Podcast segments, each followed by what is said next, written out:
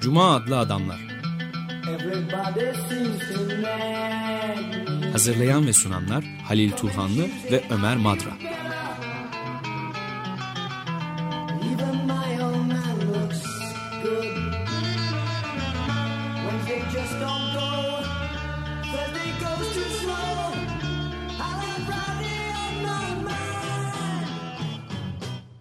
Herkese merhaba. Cumalı Adamlar'dayız. Slavoj Žižek... Herkese merhaba. Cumalı Adamlar'dayız. Slavoj Žižek'le yaptığımız mülakatın kaydının ikinci bölümünü bu cuma sizlerle paylaşıyoruz. Evet, geçtiğimiz haftaki bölümde Žižek'in Hegel düşüncesiyle olan kendi ilişkisinin yanı sıra... E, 20. yüzyıl felsefelerinin e, Hegel'le ilişkilenmelerine dair eleştirilerini ayrıntısıyla duyma imkanı bulmuştuk. Burada aslında Robert Brandon'dan Pipin'e, oradan e, Döloz'e ve e, tabii ki Frankfurt okuluna dair tüm fikirlerini değerlendirirken Zizek bir 20. yüzyıl okuması da yapıp daha bugüne kadar Lasa'da e, Budist ilahilerin karaoke'ye maruz kaldığı yeni dünyaya kadar bir e, hat çekmişti bizlere ve Badu'yla e, olan ortak paylaştığı e, felsefenin yeni hakikatler e, ortaya koymaya dair umudunu dillendirmişti geride bıraktığımız haftada. Evet bu söyleşinin ilk bölümünü Açık Radyo.com'da zaten yayınlamıştık. Şimdi ikinci bölümüne geçelim. Lacan'la olan ilişkisiyle başlıyoruz. Ardından küresel ısınma ve fetihle devam edeceğiz. Lacan ışığında Hegel okuma fikri nereden çıktı? Paris'te okurken öyle mi? Bu da çok paradoksal aslında. Paris'teyken evet böyle bir etki olmuştu ama ben başka bir şeyden bahsetmek istiyorum. Lacan Hegel'e hocaları olan Jean Hippolyte ve Kojève'den ilhamla göndermede bulunur hep. Ve bu göndermeler çoğunlukla erken dönem metinlerdedir, edilerde. Sonra Lacan'da bir anti-Hegelci dönüş, bir tür manevra buluruz. Hegel'e tamamen karşı çıkar.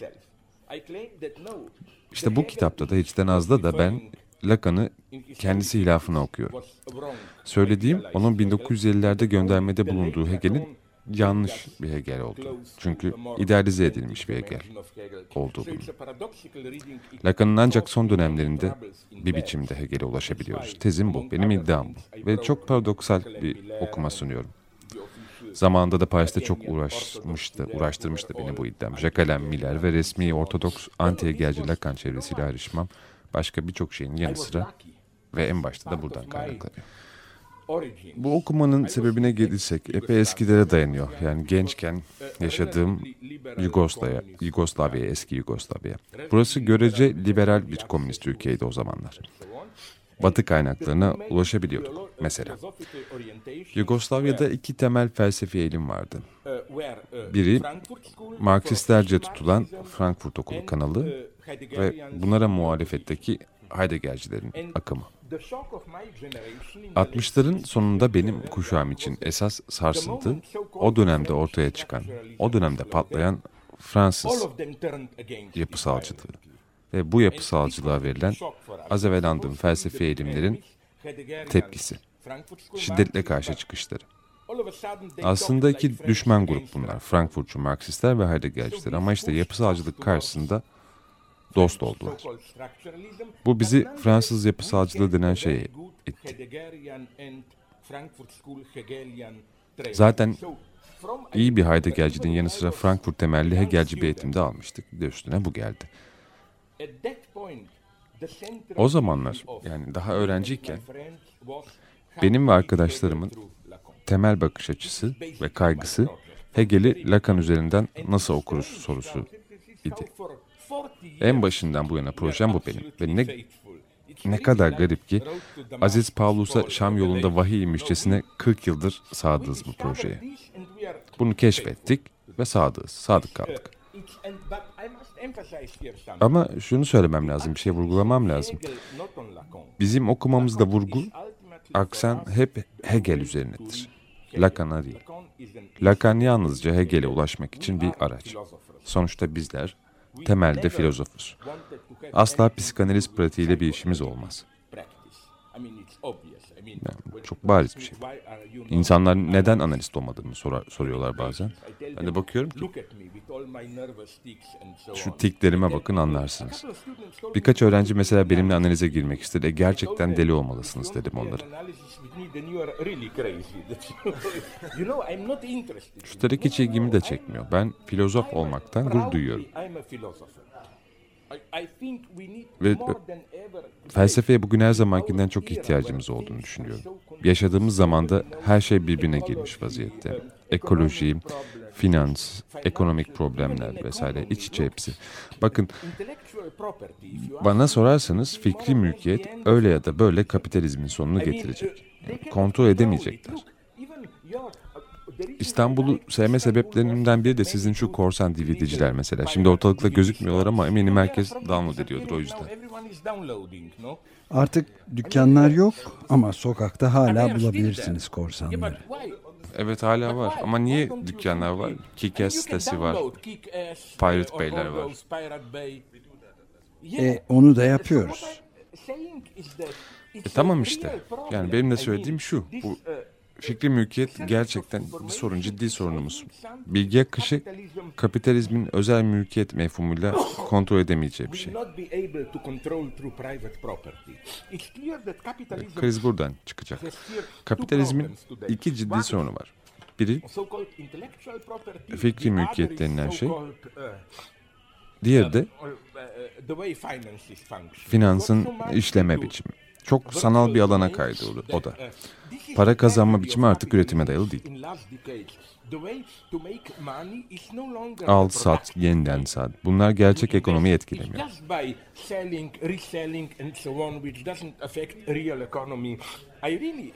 E bu noktada Marksistlerle ayrışıyorum. Bence kapitalizm çok ciddi sorunlarla karşı karşıya. Hep söylediğim gibi kapitalizmin bunu kontrol etmesinin tek yolu, kontrolün tek yolu demokratik açıdan meşru olmayan bir otoriteye geri dönüşten geçiyor.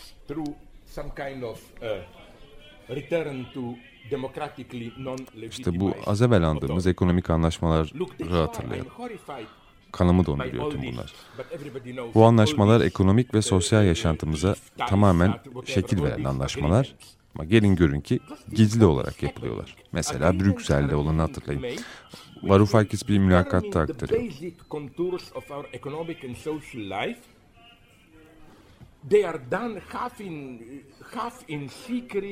Bir Avrupa grubuyla müzakerede Yunan grubu.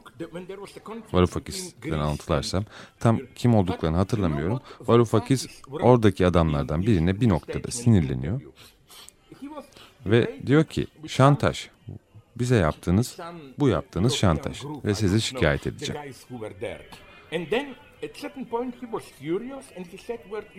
Doing now is blackmail. I want to complain against you.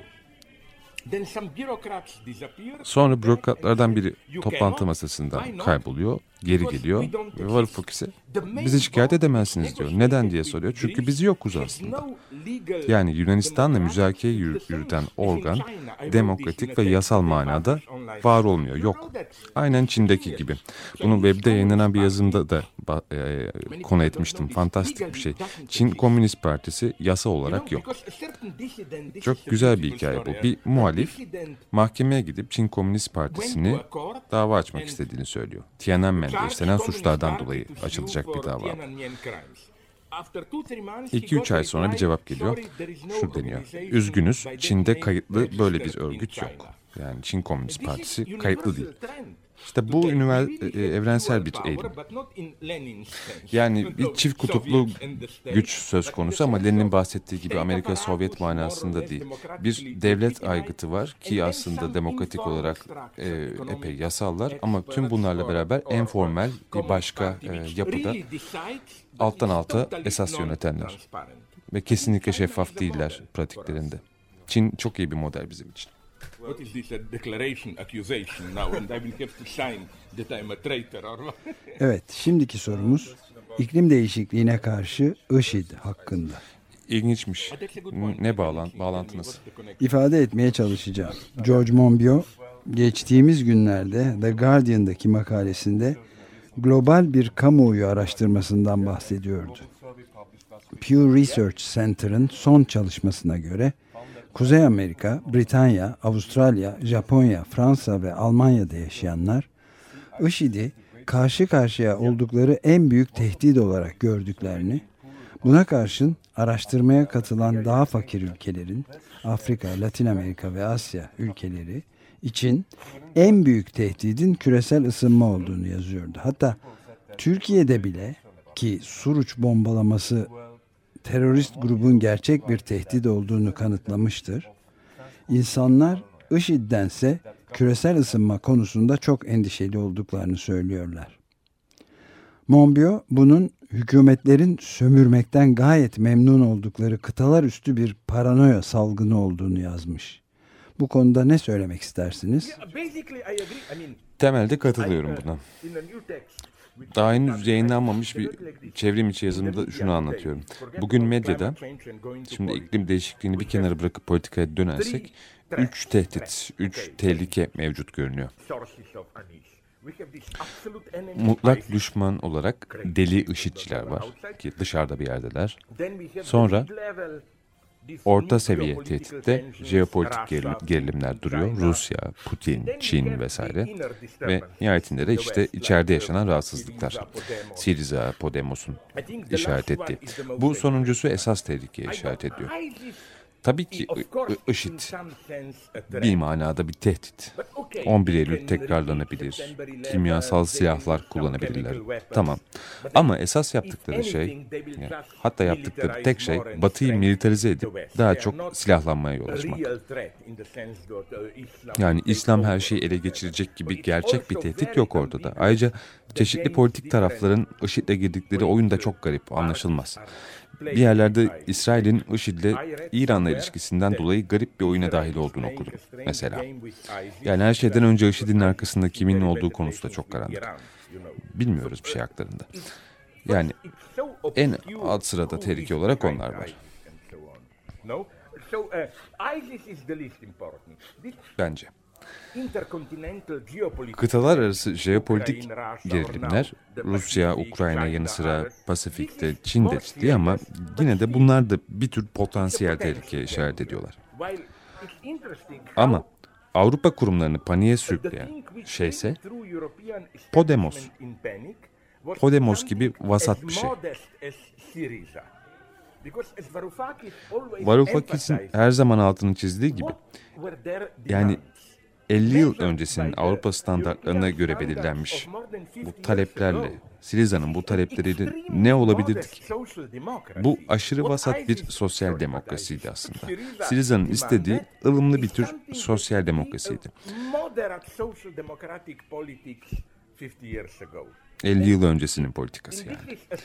Evet, İşte bu nerede olduğumuzun göstergesi dünya olarak.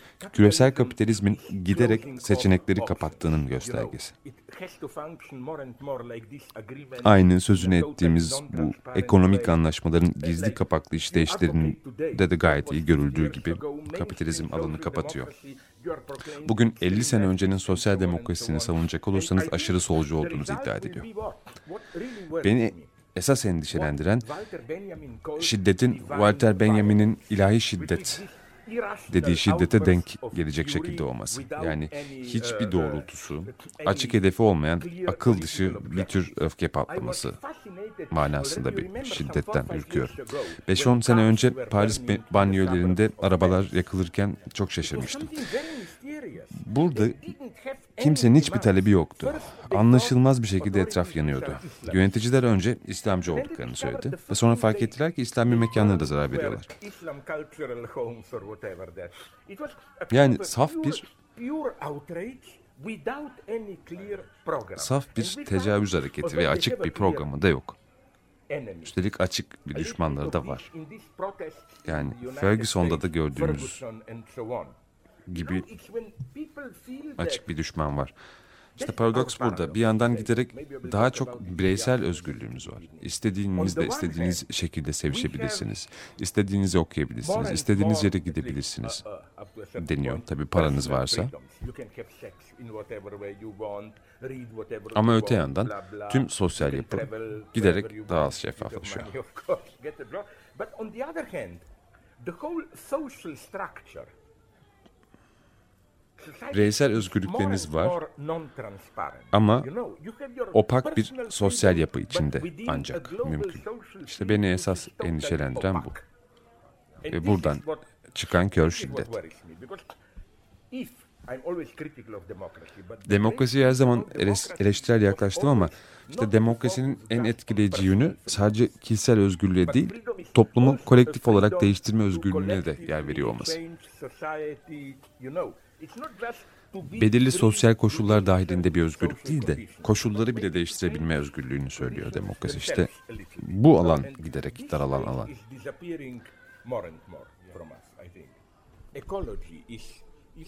Ekolojiden bahsedersek. Bu konuyu da çok seviyorum bu arada çünkü ideoloji dolu tüm tartışmalar. Mesela esas sorun şu bence. İnsanların çoğu ekoloji meselesinin rasyonel olarak davranıldığında gerçek bir sorun teşkil ettiğini biliyor. Ama bunun bir sorun olduğuna inanmamayı seçiyorlar. Rasyonel olarak biliyorlar ama işte dışarıda güneş çıkmış, çimenler ne güzel, işte yeşil falan. İnsanlar gerçekten inanıyor. İnkar aslında. Evet doğru ama ben başka bir terim kullanırdım. Daha platonik bir terim. Verleugnung, bilmezlikten gelmek diyelim. Biliyorsun ama bil- bilmiyormuş gibi davranıyorsun. Fransızca bir deyim vardı. Je sais bien mais quand même. Biliyorum ama yine de. Biraz bu tarafta bence. Bir arkadaşım ekolojik krizi dört farklı şekilde nasıl inkar ettiğimizi sıraladı bir kitabında ondan bahsedeyim. Bir dakika durun arkadaşım da diyemem çünkü onda bir polemiğim var. Neyse Mackenzie Work V-A-R-K, W-A-R-K. Şöyle diyor. İlk kategori inkar yani Amerikalı Cumhuriyetçilerin tavrı. Böyle bir sorun yok. İkincisi teknolojiye yaslanmak. Endişelenmeyin bir şey icat edilir. Bu da Amerikalı bir tavır. İklim değişikliğine karşı gösterilen üçüncü tavırsa derin ekoloji tavrı. Deep ekoloji. Emperyalistiz, doğayı sömürdük, kökenlere dönmemize lazım falan filan. Benim iddiam bunun da felakete kısa yol teşkil ettiği bu argüman. Ve sonra da son gelen argüman kapitalist vergilendirme bazlı bakış. En çok kirletenlere en çok vergilendirelim. Yani ekonomide nasıl bir yol bulunur. Bunu da yapalım tabii. Onları vergilendirelim ama mega felaketler olacak. Onları ne yapacaksınız? Fukushima haha işte. Bunu çözemezsiniz. En tehlikelisi ise ki işte bu da ideoloji devreye giriyor. Şimdi Türkiye'de nasıl bilmiyorum ama benim ülkemde ve bildiğim diğer ülkelerde baskın bir tavır bu. Bir tür çift taraflı operasyon söz konusu yürütülüyor. Önce şunu söylüyorlar. Toplumu bırak da sen ne yaptın? Geri dönüşüm yapıyor musun? Kola kutunu gazetene geri dönüşüme verdin mi? Önce bir sen de işte öyle konuş diyorlar. Burada seni bir birey olarak her daim suçlu olarak konumluyorlar. Toplumu eleştirme önce sen değiş diyor. Bir taraf bu. ikinci taraftan da şu deniyor. İkinci yaptıysa sana kısasından bir yol sunuyor gibi olması. Geri dönüşüme yardım et, geri kalanını da düşünme. İyi hissettiriyor seni ve bir vatandaş olarak da sorumluluklarını yerine getirmiş oluyorsun. İşte bu da gerçek sorunları yok saymanın bir yolu oluyor. Çünkü aslında sorun çok daha derinde. Sorun üretim biçimimizi nasıl değiştireceğimiz sorunu. Yani bu noktada çok nefret etsem de aldığım tavır felaketlerden yana. Yani ben felaket tellalı olmadım hiç ama korkarım belki de büyük felaketler işimize yarayacak. Jean-Pierre Dupuy, teorisyen bir arkadaşım, yüksek bir e, Japon bürokratıyla görüşmelerinden şunu aktarmıştı. Fukushima patladığında bunu ilk gün duyurmamışlar. Japon hükümeti ilk baktığında radyasyonun güneye doğru ilerleyeceğini ve tüm Tokyo bölgesini boşaltmak zorunda kalacağını düşünmüş ve bu yüzden duyurulmamış felaket. Bu arada bu felaket olurdu. Yani nereden yer isteyeceksiniz? Rusya'dan mı? Yani hazırlıklı olmadıkları bir şey resmen. Duyurmuyorlardı zaten. Felaket karşısında hiçbir şey yapamayacaklardı. Dupuy şunu da ekliyor. Felaket kamuya duyurulduğunda da gece hayatı ve televizyon gösterileri de sürmüş. Yani insanların dikkatini dağıtmak için yapmışlar bunu. Yani işte aynı ekoloji ve ekonomi bağlantısı. Hep kullandığım bir örnek. Daha yani örnek. Starbucks örneği. Dahiyane bir manevraları var. Hem tüketiciliği hem de farkındalığı teşvik ediyorlar. Cappuccino'muz biraz daha pahalı ama onu içerek topluma katkıda bulunabilirsiniz. Çünkü gelirimizin yüzde bilmem kaçı şuralara şuralara gidiyor.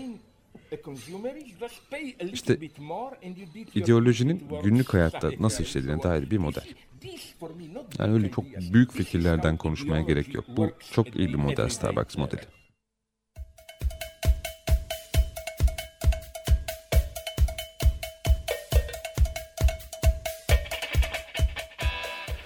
Jack'le söyleşimize ufak bir müzik arası veriyoruz. Dog Face dinleyeceğiz.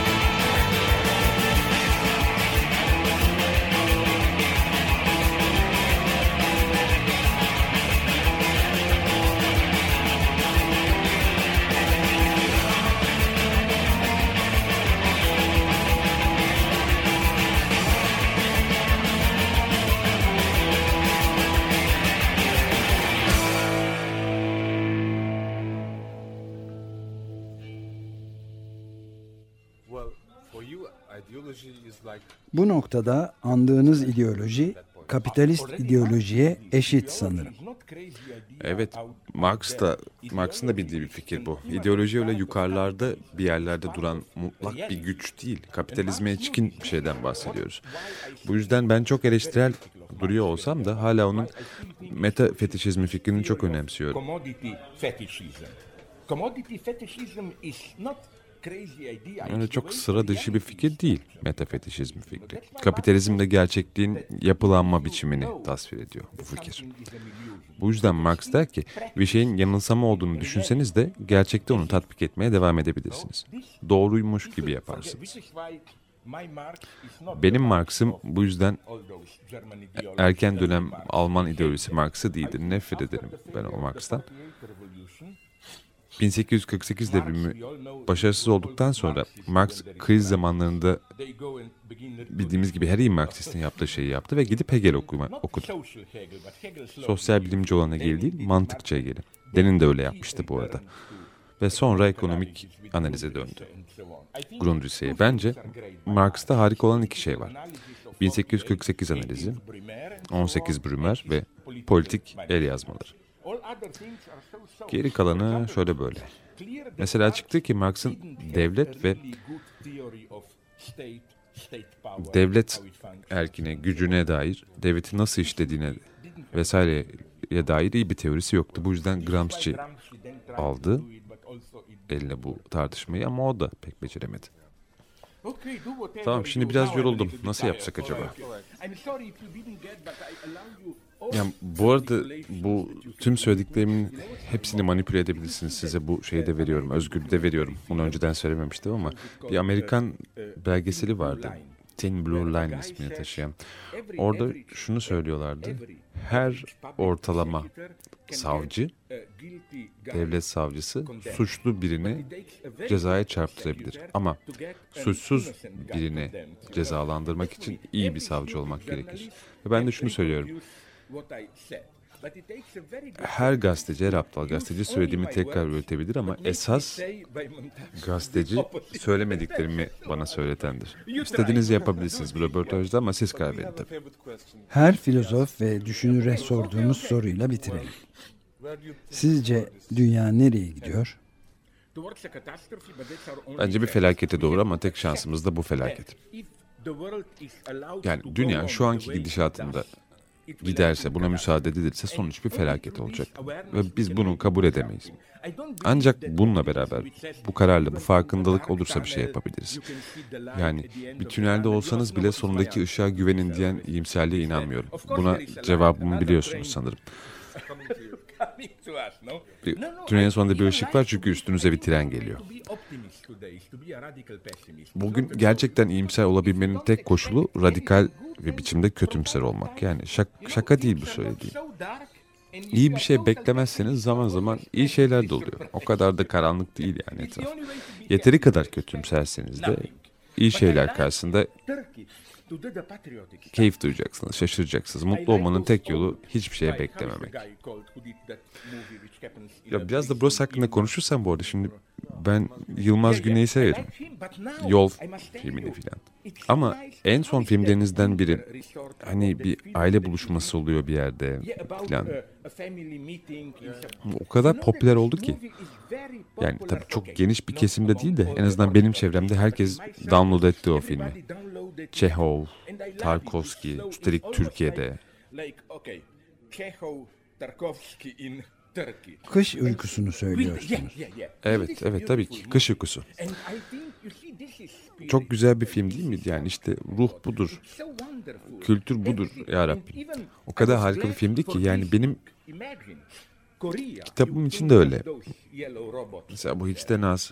Kore'de hemen hakkımıza sarı robotlar geliyor değil mi? Orada da çevrildi ve ikinci ayda ikinci baskıyı yaptı. Yani insanların toplum basit girişlerden, girizgahlardan hoşlanır filan demesi çok saçma. Safsata. İnsanlar ciddiyet istiyor. Birçok sefer aptal yayıncılarına ters düşüyorum. Diyorlar ki neden işte IŞİD ya da TV reality hakkında kısa bir şeyler yazmıyorsun? Hayır. Mesela bu kitabım İngilizce'de daha önceki politik kitabımdan. Yani? Uh, which one? The last that I did with Verso, the year of the. the Dreaming tehlikeli rüyalar görme yılından çok daha iyi sattı. Bu inanılmaz bir şey. Bu felsefi kitap. Politik kitaptan daha çok sattı. Yani sadece aptal tüketicilerin olduğu doğru değil. Ciddi işleri satın alanlar da var. Ve bu yüzden işte dekadan bir zamanda, düşkün bir zamanda yaşıyoruz diyenlere itirazım var. Yani birinin çıkıp da okunacak kitabın kesinlikle to be read 300 today should hatta en fazla 200 sayfa olması gerektiği kuralını öne sürmesi de doğru değil. Tam büyük kitaplar çok okunmuyor 200 belki. Yani yanlış okunuyor bunu da biliyorum ama Yine de ciddi bir okuyucu kitlesi var. kitap okuyor bir kitle. Televizyon için de bu geçerli bu arada. Ben çok seviyorum ama mesela sizin şu Süleyman dizisi. Slovenya'da da bir kült oldu bu arada. Uh, uh, Yani televizyon kitlesinden bahsediyorum. Televizyon yayınlarını takip eden kitle. Son dönem Amerikan dizileri. Mesela artık sinema filmlerinde olmayan bir psikolojik karmaşıklığa sahipler. Sinema iyi maalesef efektler, blockbusterlar, gişe patlaması yapan filmler işgal etmiş vaziyette. Ama bir dizide inanılmaz ince şeyler olabiliyor.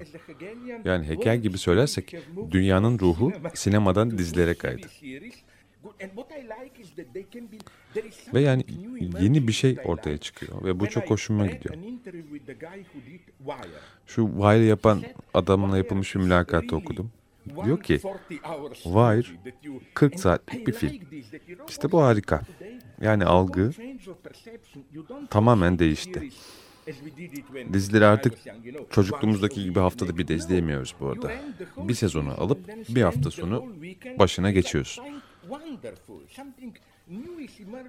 Dediğim gibi yeni bir şey ortaya çıkıyor ve en otantik sanat bu şu anda. Üstüne üstlük bir şey de internasyonalizm de var bu işin içinde. Gerçi ben gençken 40 yıl önce de Komünist Slovenya'da bir dizi vardı. Böyle bir pembe dizi. Köle İzaura. O kadar popülerdi ki başrol oyuncusu şehre geldiğinde 60 bin kişi merkeze akın etti. Kaldığı otelin önüne geldi ve bütün yollar tıkandı.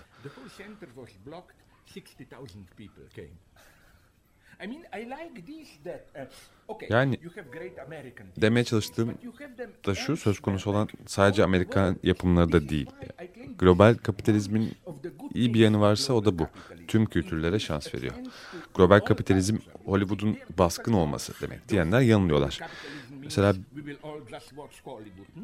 birkaç yıl önce Romanya sineması nasıl öne çıkmıştı hatırlayanlar vardır. Three weeks, four days or whatever and so on. All Üç hafta dört günü filan hatırlayın. Yani daha küçük ülkeler de duyuluyor artık. Ve bizim bu momenti kullanmamız lazım. Bu arada bir şey soracağım. Kış uykusu tek bir yapıt mı yoksa bir eğilimi temsil ediyor mu? Kesinlikle bir eğilimi temsil ediyor. Türkiye'de son yıllarda ciddi bir yeni sinema akımı var. Harika yani çok güzel çünkü sorduk. Bir de sizin şu devlet propaganda filminiz vardı. Adı neydi? İstanbul kuşatması hakkında. The, the how how uh, your sultan in uh, occupied 1400 I think this was Fetih. yeah yeah yeah yeah yeah Evet evet Fethi. İşte your odur. İşte sizin Hollywood hamleniz. Çok tatlı bir sahne vardı hatırlar mısınız? Sultan şehre gidiyor. Hemen Hristiyan kilisesine gidip çocukları kurtarıyor. E, Yalan tabii. Yani- Hani siz barbarsınız diye söylemiyorum. Herkes barbar o zamanlar. to kural şu ki büyük bir şehir düştüğünde askerlere yağma için This 2-3 was- gün verilir. Avrupalılar daha da beterdi hatta. Etik oydu o sırada. Yoksa ayaklanma olur. Ama işte very sizin Süleyman çok popülerdi gerçekten. Artık olamaz. Çünkü artık öyle bir dizi yok. Neden yok? Hükümet sevmedi. Aşk sahneleri falan rahatsız etmiş olsa gerek. Dizi bitti. Allah'ım bilmiyorlar mı gerçekten ya bu kadar yani. Stalinizm bile farkındaydı, Goebbels bile farkındaydı. Bu. Biraz alan bırakmaları gerekiyor. Yani savaşın ilk yıllarında Goebbels komedi ve müzikallerin en iyi yılları olmasına müsaade etmişti. Goebbels farkındaydı, eğlenceye ihtiyaç vardı. Nasıl düşünemezler bunu? Goebbels knew it. In hard times you have to offer amusement. Dizideki padişah gezideydi. Sanırım o yüzden oldu. Sizin tarafınızdaydı yani. Parktaydı. Harika. İşte bu harika. That's wonderful. That's nice. That's absolutely wonderful. Yeah. Sloven filozof Slavoj Žižek'le Temmuz ayı içerisinde gerçekleştirdiğimiz mülakatın kaydının sonuna gelmiş bulunuyoruz. Hatırlatalım bu söyleşinin hem ses kaydını hem de yazılı dökümünü olduğu gibi açıkradyo.com üzerinde de bulabilirsiniz. Şimdi Steely Dan'le nokta koyuyoruz. Charlie Freak. Herkese iyi sabahlar.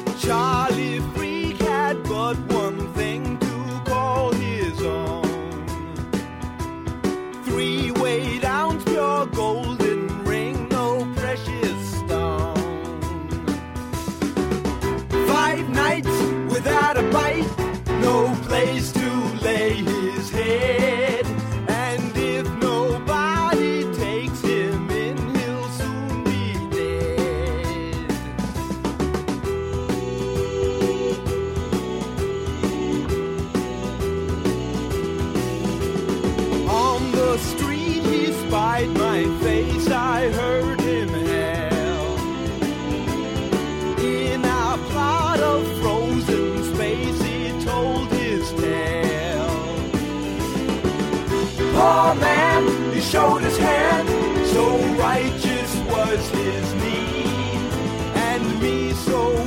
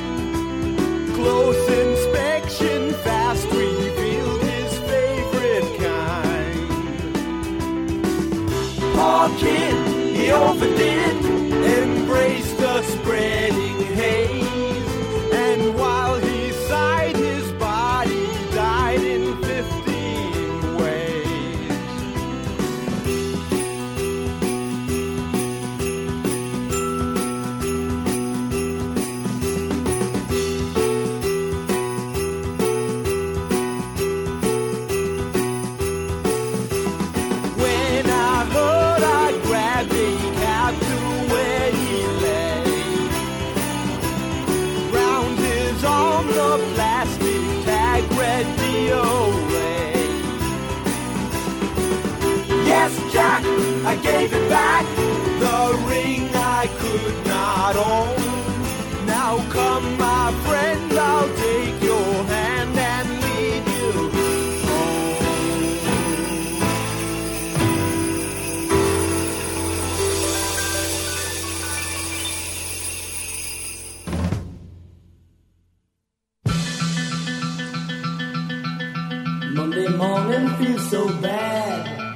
Cuma adlı adamlar. Hazırlayan ve sunanlar Halil Turhanlı ve Ömer Madra. Even my old man looks